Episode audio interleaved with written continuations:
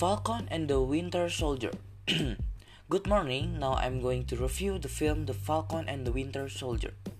This film is an American television miniseries created by Malcolm Spellman. Based on the Marvel Comics character Sam Wilson or Falcon and Bucky Barnes or Winter Soldier, it is set in the Marvel Cinematic Universe. The series was produced by Marvel Studios with Spellman serving as head writer and Carey Cochran directing.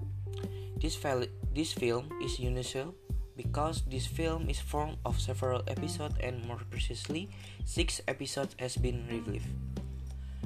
It in in that opening scene, Anthony Mackie Sam Wilson, donning his Falcon suit, is sent on a mission one the American military can be seen to be involved with, and the one I can fully explain.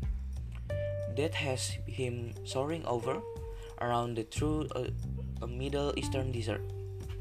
After the surprisingly lackluster vision on vision, flying fight from WandaVision, this extended sequence is a fun, creatively choreographed adrenaline rush that feels close enough to anything you would get from a superhero scene on a big screen to scratch that brightly lit thrill ride.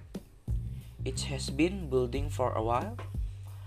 Nothing in the rest of the Carey Cochran directed pilot equals it, but nothing really needs to. Much has been made of how showrunner Malcolm Spellman approached the six episode Falcon and the Winter Soldier as a body dramedy in the in the 48 hours Lethal Weapon vein.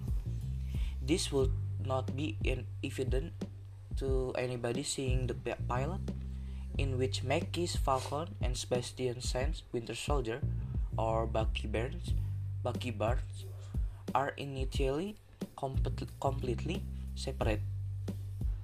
Even after Avenger Endgame brought them together in their mutual respect for an aged Captain America and his shiny, shiny shield.